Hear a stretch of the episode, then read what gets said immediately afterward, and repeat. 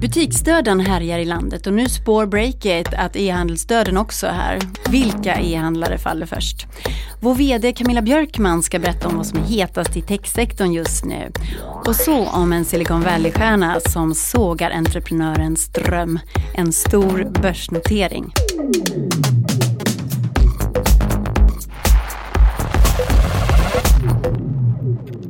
Välkomna till Breakits podcast. Jag heter Katarina Andersson och i den här podden så spanar vi om det nya näringslivet med Breakits redaktion. Snälla, gör oss en tjänst. Berätta för en vän som inte redan lyssnar på oss och göra det. Du kan till exempel skicka en länk. Då kan de lyssna på det här, våra kortnyheter. På måndag eftermiddag kraschar flera stora svenska e-handelssajter, Jolly Room och Teknikmagasinet till exempel. Orsaken? E-handelsplattformen Litium hade fått stora problem efter ett strömavbrott. Först på tisdag eftermiddag var sajterna uppe igen och enligt Jolly Rooms VD Ole Sauer förlorade bolaget miljoner under avbrottet. I förra veckan pratade vi här i podden om hur Spotify hårdsatsar på podcasts och om de skulle kunna sänka Sveriges Radio. Det har de inte lyckats med än, men i veckan så kom positiva nyheter för den svenska techjätten. Spotify är den största poddappen, inte bara i Sverige utan även i Tyskland, Frankrike och Norge. Över 40 procent av poddlyssnandet i Sverige sker via Spotify, visar siffror från undersökningsföretaget Medivision. För 25 år sedan blev mobiltelefonen årets julklapp och i veckan avslöjades årets julklapp 2019 och det blir mobillådan. I en sån så ska man alltså placera sin smarta telefon så man kan prata och umgås med sina närmaste istället för att stirra ner i en skärm. Frågan är om det här blir en succé eller om den hamnar på samma ställe som spikmattan och pokersättet. Snart så kommer Caroline Englund hit för att prata om den kommande stundande e-handelsstöden. Hej, det här är Camilla Björkman, VD på Breakit som eh, hoppar in för att säga att den här podden sponsras av PE Accounting. Och häng med nu så ska jag avslöja hur det egentligen går för Breakit. Vi är nämligen kunder till PE Accounting som är ett molnbaserat ekonomisystem och redovisningsbyrå i ett. Och jag har precis tryckt iväg ett mejl här till Breakits styrelse med handlingar inför nästa styrelsemöte. Och då kunde jag enkelt gå in i PE och klicka mig fram till vår resultat och balansrapport. Och skulle jag haft några frågor så ja, har jag mina kontaktpersoner André och Rebecka på PE som hjälper mig. Så hur går det för Breakit då? Jo, som jag också kan se här svart på vitt i resultatrapporten så har vi per den sista oktober dragit in 18 miljoner kronor med ett minusresultat på 650 000.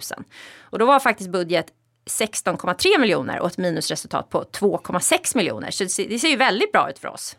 Eh, men man ska inte ropa hej, jag har en del kostnader som ska in och så vidare. och Så vidare. Så att vi får se hur det går. Jag kan återkomma i frågan. Eh, jag är i alla fall glad att jag kan hålla stenkoll varje vecka. Så tack PE Accounting för det och för att ni sponsrar podden.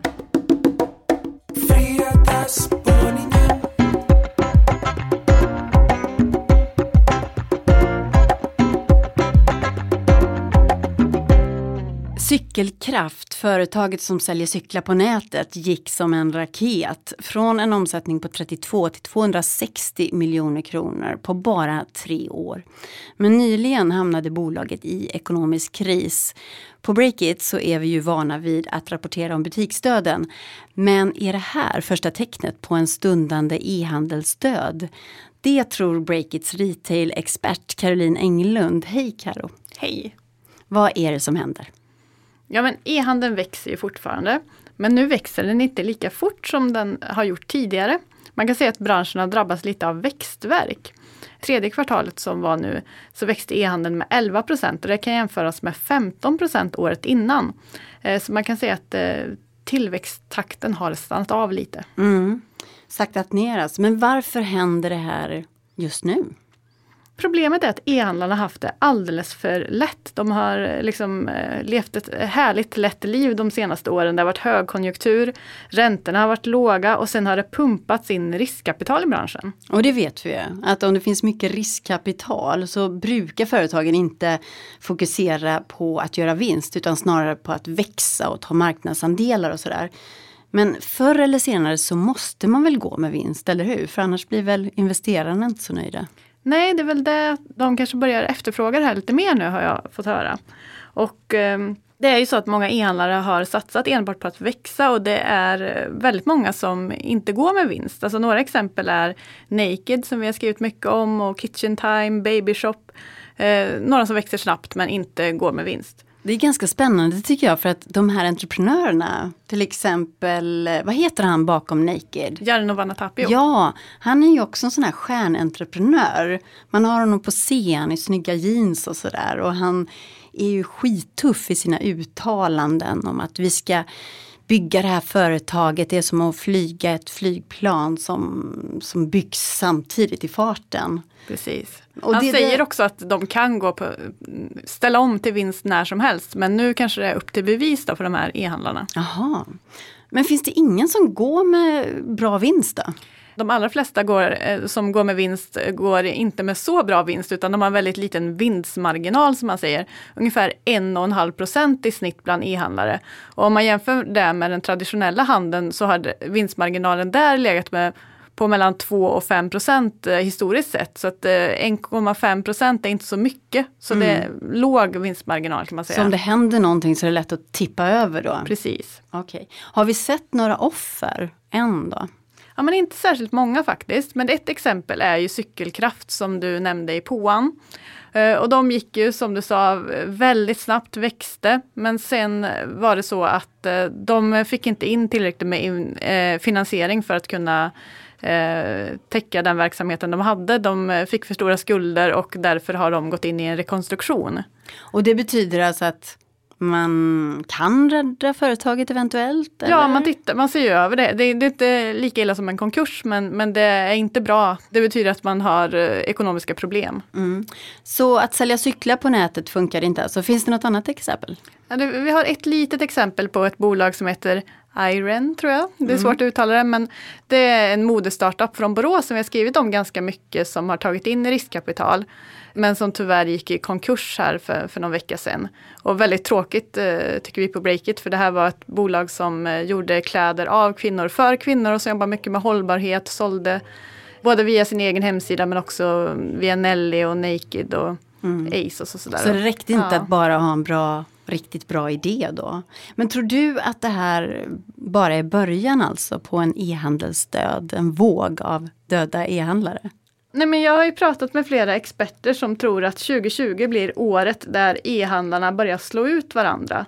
Själva marknaden kommer att fortsätta växa men det kommer bli färre och större aktörer så de äter upp varandra kan man säga. Och vad beror det på då? Ja men det beror på flera saker, bland annat eh, det här med att det kan komma en lågkonjunktur, man börjar se tecken på det nu. Eh, och också en Greta-effekt kan man säga, att eh, vi tänker mer hållbart och handlar inte lika mycket som förut. Och det här påverkar ju såklart alla som jobbar med, med handel. Mm. Och sen kan det också vara det här med att riskkapitalisterna vill börja se att e-handlarna kan göra vinst, att de, att de ställer krav på det. Mm. Och vad tror du om framtiden då? Vem vinner och vem försvinner?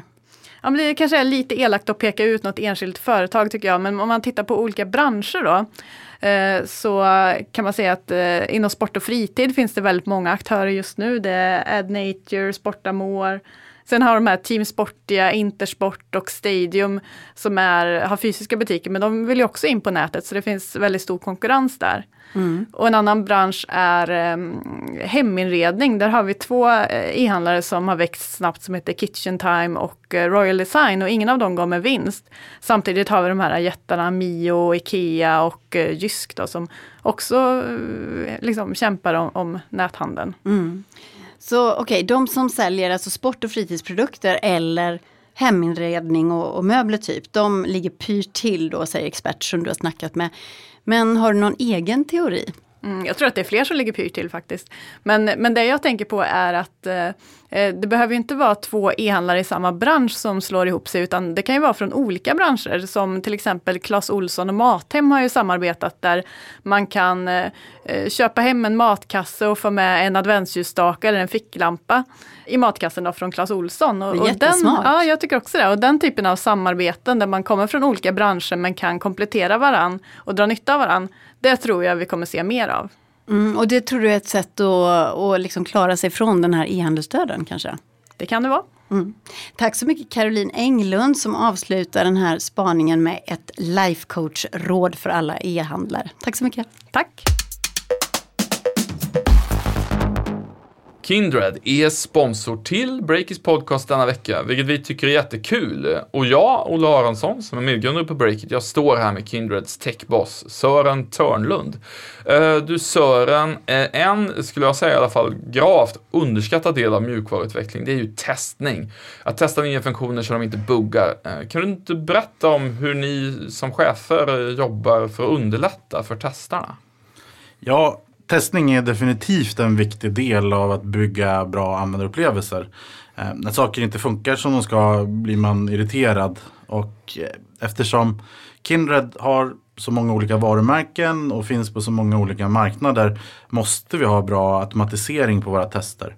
Och chefernas uppgift blir då att hela tiden se till att testarna får tid och prioritet att skriva rätt sorts tester. Just det, det låter ju skönt. Själv har jag gjort många manuella tester. Automatiskt låter ju skönt. Kan du berätta lite mer, hur menar du att eh, ni jobbar med att förenkla det? Jo, men framförallt i projekt med tajta tidslinjer kan man lockas att ta genvägar eller nerprioritera bra tester. Så då finns linjecheferna där som stöd. Och Kindreds syn på chefer är att de ska vara en supportfunktion för att underlätta för våra testare och utvecklare att kunna göra sina jobb. Eh, vi har dedikerade chefer som har det som sin huvuduppgift och det är en av anledningarna till att vi får så bra resultat på våra medarbetarundersökningar. Ja, det kan jag tänka mig att många utvecklare tycker är väldigt skönt att man får den supporten. Eh, tack så jättemycket Kindred och Sören. Eh, kul att höra och eh, vi hörs snart i podden igen. Snälla, du gillar ju sånt här. Nu får jag, nu får jag liksom montera isär. Ja men det är Allt är liksom trasigt här inne. Jag vet. okej. Nu, nu får vi göra det här från grunden här. För det första, den här är ju helt lös. Det ser du va? Men det här är ju en himla följetong i våran poddproduktion, hur den här studion bara rasar.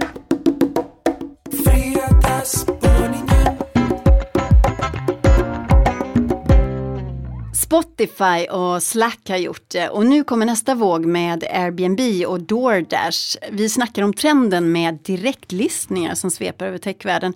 Men vi ska börja den här poddspaningen hos en av Silicon Valleys stjärnor som totalsågar många företagares dröm, en stor börsnotering.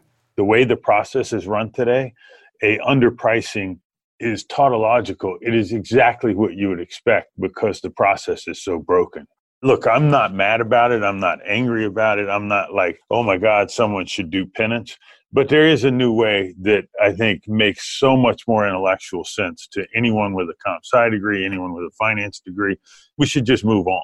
Erik, vem är det vi lyssnar på här? Ja, men mannen med den djupa rösten är Bill Gurley som gästar podden Invest Like the Best och han är då partner på Benchmark, en riskkapitalfirma i Silicon Valley. Han har utsetts till årets riskkapitalist av Techcrunch för några år sedan och han är känd för att ha gått in i Uber, men han är också faktiskt tungt inblandad i WeWork som väl får betraktas som lite av ett haveri just nu. Anyway, folk verkar lyssna på honom och under hösten har Bill fört ett slags korståg faktiskt mot den traditionella IPOn, alltså börsnoteringen, de här stora när man ringer i klockor. Och han framför ju att man istället ska göra precis som Spotify, en så kallad direktlistning. Okej, och för oss då som inte har direkt eh, kollen på det här, vad är skillnaden? Ja, men klassisk börsnotering, där tar man ju ofta in pengar i en nyemission och så gör man den här börsnoteringen. Inför den så gör man en liksom turné bland massa investerare och målet brukar vara att få in kanske 10 till 20 gånger så mycket efterfrågan på att köpa de här aktierna som det faktiskt finns aktier. Och sen handplockar man ut ett antal investerare som får chansen. Och allt det här sys ihop av investmentbanker som Goldman Sachs och Morgan Stanley som tjänar hundratals miljoner på det här i avgifter. Och en direktlistning då, det är det som Spotify gjorde. Då tar man egentligen bara aktier som redan finns allihopa i bolaget. Och sen låter man liksom utbud och efterfrågan sätta priset lite av sig självt. Spotify sa ju inte själva vad aktien skulle vara värd, utan det fick marknaden avgöra under några nervösa timmar där på Wall Street. Och alla fick samma chans att buda. Mm. Så för mig låter det som att det här med stora börsnoteringar är någonting som eh, de här bolagen som Goldman Sachs och så har hittat på för att tjäna pengar. Är, är det därför som Bill Gurley är så kritisk? Nej, men han menar ju att liksom en, en första års student på någon ekonomiskola, om man skulle liksom ratta ihop en börsnotering från scratch nu så skulle ingen eh, göra den modellen som finns, för den finns där av historiska skäl. Och hans tes är ganska enkel, att det sättet det görs på är lite av ett ett rån mot grundare, och anställda och investerare som är delägare. Det här för att man ofta riggar de här eh, klassiska börsnoteringarna för att ge aktien en så kallad pop. Vet du vad det är? Mm, nej, nej, det Alltså- låter som någonting som sticker upp liksom. Ja, som poppers. Nej, men man vill ha en liksom, skjuts uppåt i aktiekursen på första handelsdagen för att liksom, visa att det går bra om folk tror på det här bolaget. Och det finns data från Jay Ritter, en professor som kallas för Mr IPO, som visar att det här över lång tid, då liksom data över massor med år, har inneburit att ägarna av de här bolagen har förlorat eh, massor med pengar helt enkelt. Pengar som de kunde ha haft eh, för sig själva. Mm, förklara lite bättre så att jag förstår. Alltså, han säger ett rån mot grundarna. Ja, han kanske inte använder ordet rån, men han, han eh, menar att det är en stor kapitalförstöring. Tänk dig så här då, att du har en lägenhet, du eh, liksom gör dig redo, stylar upp den för att sälja den och så säljer du den för 5 miljoner kronor. Och sen dagen efter du har sålt, då tar den som har köpt lägenheten och säljer den vidare för 7 miljoner kronor. Alltså kursen går upp. Och då hade ju inte du varit glad, eller hur? Nej. Men i alla fall i medierna så har ju liksom eh, facit för en lyckad börsintroduktion varit att man får den här liksom, eh, aktien skjuter iväg eh, när den börjar handlas. Och nu verkar då fler och fler liksom föra fram att det här är ju liksom kapitalförstöring och istället förordar man då den här direktlistningsmodellen. Mm. Och, och Spotify var då någon slags föregångare här med den här modellen i USA. Och sen kom Slack och, och så har det startats en trend då kan man säga. Vi vet inte säkert än, men enligt Bloomberg så tyder mycket på att jätten Airbnb också kommer göra en direktlistning eh, 2020. Och nu i veckan faktiskt kom uppgifter, också obekräftade då, på att DoorDash, ett så här bolag som levererar ut mat, också ska göra det. Så då tycker jag nog att nu kan man nog faktiskt börja snacka om en trend ändå. Så Daniel Ek då som är pionjär i musikvärlden, streamingvärlden, han har också blivit då pionjär i, i börsvärlden med den här idén då. Ja, den som egentligen liksom ska få skina lite är väl Barry McCarthy, Netflix-veteranen som blev finanschef på Spotify. Och enligt vad jag förstår så är det ju han som är arkitekten bakom den här eh, Spotifys banbrytande börsnotering som folk har skrivit om att vara ett sätt att disrupt Wall Street. Eh, så att eh, han ska ju sluta nu eh, efter nyår, så det blir ju hans liksom, arv lite grann, vad han gjorde på Spotify. Jätteroligt tycker jag när det kommer lite nytänk på den här fronten också. Men finns det någon baksida med allt det här? Ja, men man får ju tänka på att Bill Gurley och de andra, de talar ju såklart i, i egen sak. Alltså de är ju ägare i de här bolagen och vill ju såklart speciellt investerarna få ut så mycket kräm som möjligt när det väl är dags för exit och börsnotering och sådär. Och eh, argumentationen för direktnotering handlar ju om att just att, att ägarna ska få ett optimalt pris. Alltså att de ska få mer än vad de hade fått om de hade noterats enligt den traditionella modellen. Man kan ju kolla då på Spotify och Slack som gjorde direktnoteringar. Båda de ligger ju en bra bit under aktiekurserna som sattes när de väl börsnoterades. Det finns ju naturligtvis liksom massa orsaker till det, men man kan ändå peka på att det här innebär ju såklart risker för andra, alltså de som köpte aktier eh, i den här nya, lite mer oprövade modellen. Och hittills har ju de inte blivit vinnare direkt. Det finns alltid vinnare och förlorare här i världen. I am not a destroyer of companies. I am a liberator of them. Är förlorarna Wall Street nu då? Point is, ladies and gentlemen, that greed is good. Kommer de gå under Wall Street-snubbarna? Greed is right. Ja, Behövs man- de? Greed works. Disrupt Wall Street sa du, jag tycker det är jättespännande. Nej men alltså hela, hela finansvärlden består ju av enorma lager av liksom så här, människor och firmor som sitter och gör massa saker som kanske inte egentligen behövs på samma sätt i en digital algoritmstyrd värld där man kan lösa sånt här på andra sätt. Så jag tror att det är väl en del eh, investmentbankirer på Wall Street som, som liksom ser på den här trenden med lite rädsla skulle jag tro. And I will make you richer than the most powerful CEO in the United States of fucking America. Hej, hej, hej! Stefan Lundell här på Breakit. Är du farten med att skaffa ett nytt domännamn till ditt bolag så ska du lyssna extra noggrant nu. Den här veckan sponsras Breakit-podden av Miss Hosting som är grymma på det här med hemsidor, webbhotell, hosting och inte minst just domännamn. Fram till den 24 november kostar en .se-domän på Miss Hosting bara 5 kronor för ett helt år. Kampanjen pågår så bäst nu och avslutas alltså söndagen den 24 november. Så är det aktuellt för dig med en ny .se-domän är det en, faktiskt måste man ändå påstå att det är en ganska marginell kostnad för att få en sådan. Så gå då in på misshosting.se och läs mer. Där kan du också köpa en ny hemsida från 9 spänn i månaden. Tack Miss Hosting för att ni sponsrar podden.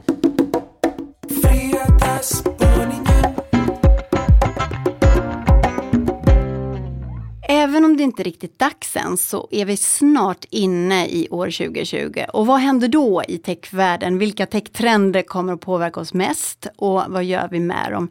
Det vet Camilla Björkman, Breakits VD. Hej Camilla! Hejsan!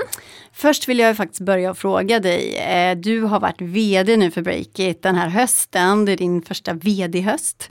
Så jag vill bara veta lite grann, hur är det att vara VD på Breakit innan vi går in på de här techtrenderna du ska spana om? Mm. Eh, men det är verkligen jätte, jättekul måste jag säga. Eh, sen så har det varit eh, mycket. Eh, jag känner mig ganska eh, utpumpad måste jag säga. Det, mm. för, för det är liksom både en ny roll med allt vad det innebär. Eh, och vi är, ju, vi är ett litet bolag, man måste ju kavla upp armarna och, och jobba operativt liksom. Så det är alltid från att eh, jag kuskat runt i Sverige och varit moderator på Scale Up Day till att vi har haft vårt event SAS Summit till eh, Impact Challenge till så här, eh, lanserat premiumtjänsten på sajten till eh, så här, högsäsong på annonsmarknaden, man är ute och säljer och allt däremellan, eh, nya medarbetare, ja, eh, så, att, så just nu är jag lite så här, uh, Men känner du det här, eh, känner du makten? Kör du med Olle och Stefan någonting? eh, Oj, det var en bra fråga. Gör jag det? Kanske lite med Stefan, men han, han öppnar ju upp för det ibland om man säger så. Han, han, eh, han gillar liksom när man säger, ja men nu, nu ska du göra det här. Mm. Men, eh, men makt, nej, nej inte makt, men däremot ett ansvar då, skulle jag säga. Mm. Eh, det, och det kan ju vara också sånt man ligger och tänker på på nätterna. Eh, mm. Så ja. Ja, men det är jättespännande. Kul att du är vd. Kul med en kvinnlig vd tycker jag. Ja, heja heja. Du, Tack eh, Du har också varit eh, uppe tidigt i morse. Mm.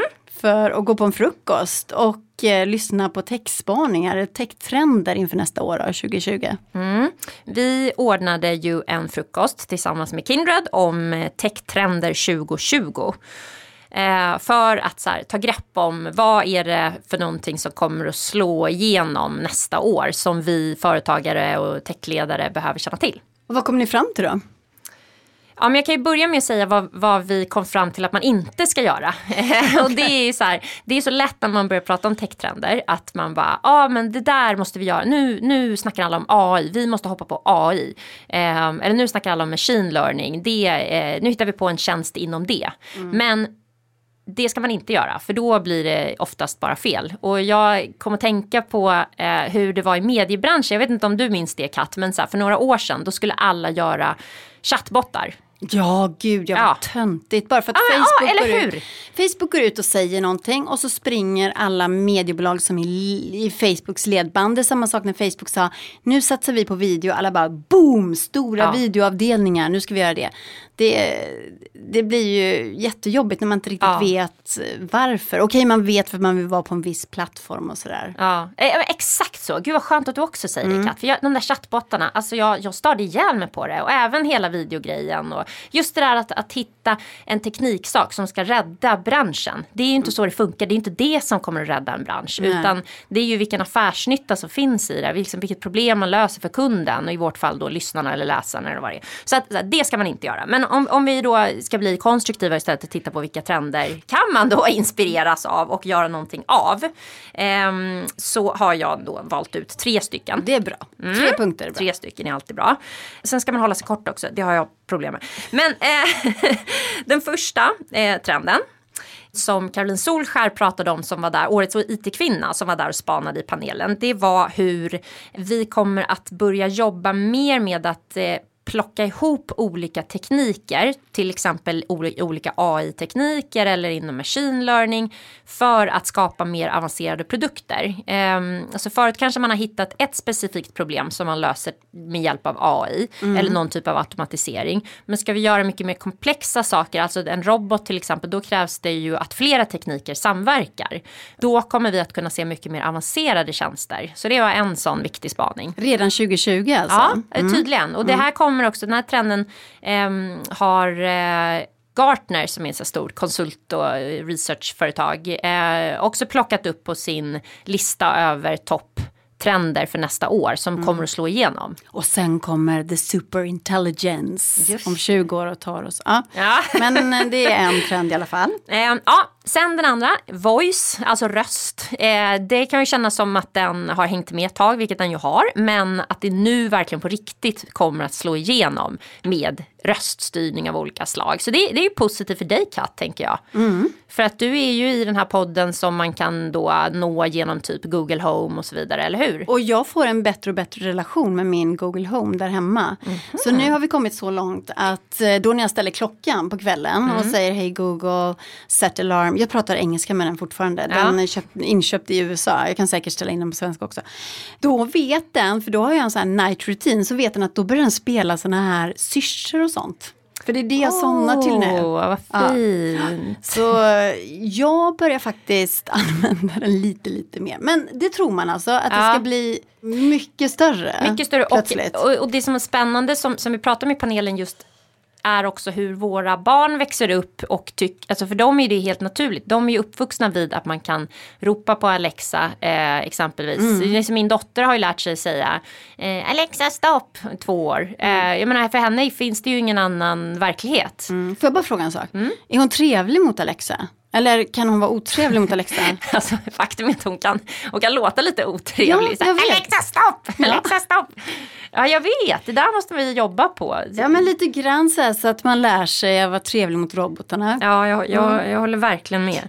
Har du en Ehm, tredje techtrend mm. också? Och det är mer, mycket mer avancerade upplevelser som man kan få med olika tekniker, till exempel inom virtual reality. Paulina Modlitba som var med i panelen berättade om en konsert som haft över en miljon deltagare och det var liksom möjligt då på grund av en VR-teknik. Så folk satt hemma och lyssnade och tittade på den här konserten. Jag hade ingen aning om att sånt här existerade. Eller ja, existerade kunde jag väl räkna ut, men att det var så enormt stort. Yo, what is up, Fortnite? What's up, Pleasant Park? My name is Marshmallow, and thank you for coming out today and making history with me. You guys ready? Mm, det är konserten i Fortnite med Aha. DJ Marshmallow. Den har jag sett. Det är helt fantastiskt. Ja, men det, det kommer ju också att föda otroligt mycket alltså affärer när Ja. man ska ha upplevelser i virtuella världar. Om man nu kan ha en lika bra upplevelse, Mm. en virtuell upplevelse i en spelvärld som på en riktig konsert. För de Mm. här människorna som var där, de hade ju verkligen skitkul. Liksom. De kunde flyga omkring över scenen. Alltså din avatar då kan ju flyga där. Liksom. Nej, här, ja, det var jättemysigt, det var fantastiskt. Jag uppmanar alla att gå in, som inte har sett det här, att gå in då och kolla på YouTube hur det såg ut. Det var väldigt roligt. Mm. Ja, det ska jag verkligen göra. Men eh, vad gör man av de här trenderna då? Ja men det är det som någonstans är knäckfrågan. För det får inte bli som i chattbotten, att man tror att eh, lösningen ligger i tekniken. Utan det, det var liksom det övergripande tipset som panelen gav och som jag verkligen håller med om. Att man måste börja med affärsnyttan. Alltså vad, har vi för, eh, vad löser vi för problem för våra kunder? Eh, eller läsare eller lyssnare i Breakits fall. Och eh, hur kan vi använda oss av ny teknik, till exempel AI, för att eh, lösa det ännu bättre. Eh, Eh, så att, ja, men jag fick en massa idéer. Jag tänker till exempel att vi har ju en del artiklar. Vi, vi har ju pratat om robotjournalistik ett bra tag. Nu kommer alla journalister Ja. att bli jätterädda när vdn står i poddbåset och börjar prata om robotar som ska skriva artiklar. Nej, men, ja, för att det finns ju ändå mycket innehåll som man kan eh, automatisera. Och, och det bästa med det är att då lägger man ju krut på det som inte en robot kan göra. Eh, alltså riktigt bra gräv eh, som, och, och kreativt arbete och så vidare. Men så här, eh, summa summarum, man måste börja med eh, kundnyttan. Och där smällde någon igen dörren Ja, på nu, breaket. nu drog nu drog de. Men du, det här var jättespännande. Tusen tack för att du ville komma hit och vara Mm. Med i mycket, podden. Mm. Och eh, lycka till med vd-skapet. Snart är det jul och får du pusta ut.